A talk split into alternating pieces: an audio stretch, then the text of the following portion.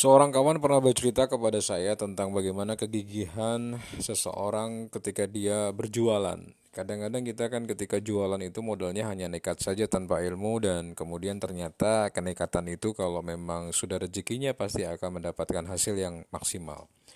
Dia bercerita tentang beberapa orang yang datang ke Mesir, kemudian di Mesir itu mereka tidak memiliki kemampuan skill bahasa apa pun. Bahasa Arab nggak bisa, bahasa Inggris nggak bisa.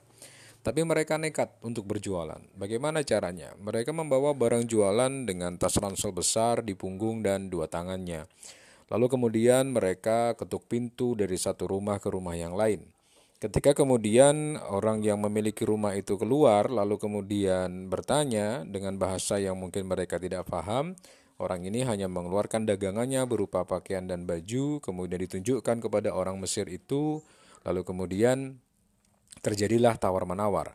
Tawar-menawarnya bukan dengan bahasa-bahasa sebagaimana kita menggunakan bahasa Inggris, Indonesia, atau mungkin dengan bahasa Arab. Tetapi tawar-menawar yang terjadi hanyalah dengan kalkulator. Si penjual menulis harga di kalkulator itu, lalu kemudian si pembeli menawar dengan mengetik harga di kalkulator yang sama. Lalu terjadi transaksi. Demikian sederhananya orang kemudian berjualan. Inilah yang kemudian menjadi penting buat kita ambil satu pelajaran bahwa jualan itu harus dengan tekad yang kuat.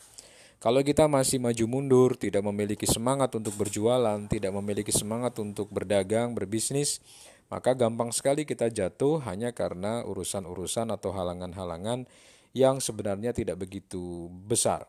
Hanya saja karena kita mungkin merasa malu, merasa gengsi, saya ini seorang sarjana, kenapa saya jualan seperti itu? Saya ini seorang begini, kenapa saya harus berjualan seperti itu dan lain-lain dan lain-lain. Pikiran-pikiran itulah yang kemudian menyebabkan kita merasa ngelukro kalau dalam bahasa daerahnya atau merasa lemas, merasa tidak memiliki semangat padahal di luar sana ada banyak sekali peluang yang bisa kita gunakan ada banyak sekali hal-hal yang bisa kita manfaatkan, celah-celah yang bisa kita lakukan sehingga kemudian kita bisa survive, kita bahkan bisa menempuh keberhasilan di luar apa yang kita harapkan. Keberhasilan yang lebih daripada apa yang kita impi-impikan. Makanya kawan-kawan, tetaplah Anda bersemangat dalam berjualan, tetaplah Anda bersemangat dalam menggali potensi yang Anda miliki dan jangan kemudian Anda merasa kalah merasa lemah, merasa patah semangat karena ada banyak orang di luar sana yang sanggup untuk membantu Anda untuk bangkit dan kemudian menemukan kehidupan Anda yang baru. Saya Burhan Sodik dari Youth Voice. Terima kasih. Assalamualaikum warahmatullahi wabarakatuh.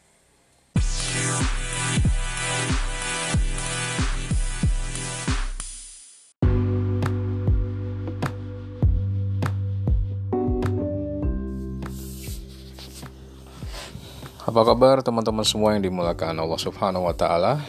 Kita bicara tentang nikmat ya, bagaimana kita mensyukuri nikmat. Ada di antara kita yang mendapatkan nikmat dari Tuhan dari Allah Subhanahu wa taala begitu banyak. Tetapi kemudian di antara kita tidak menyadari bahwa itu adalah nikmat yang perlu kita syukuri. Apa saja sebenarnya faidah atau keutamaan kalau seandainya kita mensyukuri nikmat? Faidah yang pertama adalah Nikmat itu akan ditetapkan kepada kita. Ketika kita mensyukuri nikmat tersebut, maka nikmat itu akan ditetapkan, akan diberikan kepada kita. Lalu yang kedua, faedah yang berikutnya adalah Allah akan menambah nikmat itu baik dengan nikmat yang sama ataupun nikmat yang berbeda. Lalu yang ketiga, Allah akan bukakan keberkahan dari segala pintu buat kita. Kadang-kadang orang menilai bahwa keberkahan itu pada kekayaan, padahal bukan. Orang bisa saja tidak kaya, tetapi dia memiliki keberkahan di dalam hartanya. Hartanya bermanfaat untuk dirinya, untuk keluarganya, untuk orang-orang di sekitar dia.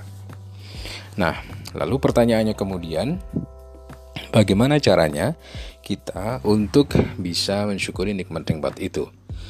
Cara yang pertama, teman-teman yang dimuliakan Allah, kita bisa mengkaitkan segala apa-apa yang kita nikmati hari ini, baik itu berupa harta, jabatan, kepemimpinan, kekayaan, wewenang, dan lain-lain, kesehatan bahkan, itu kepada sang pemberi nikmat.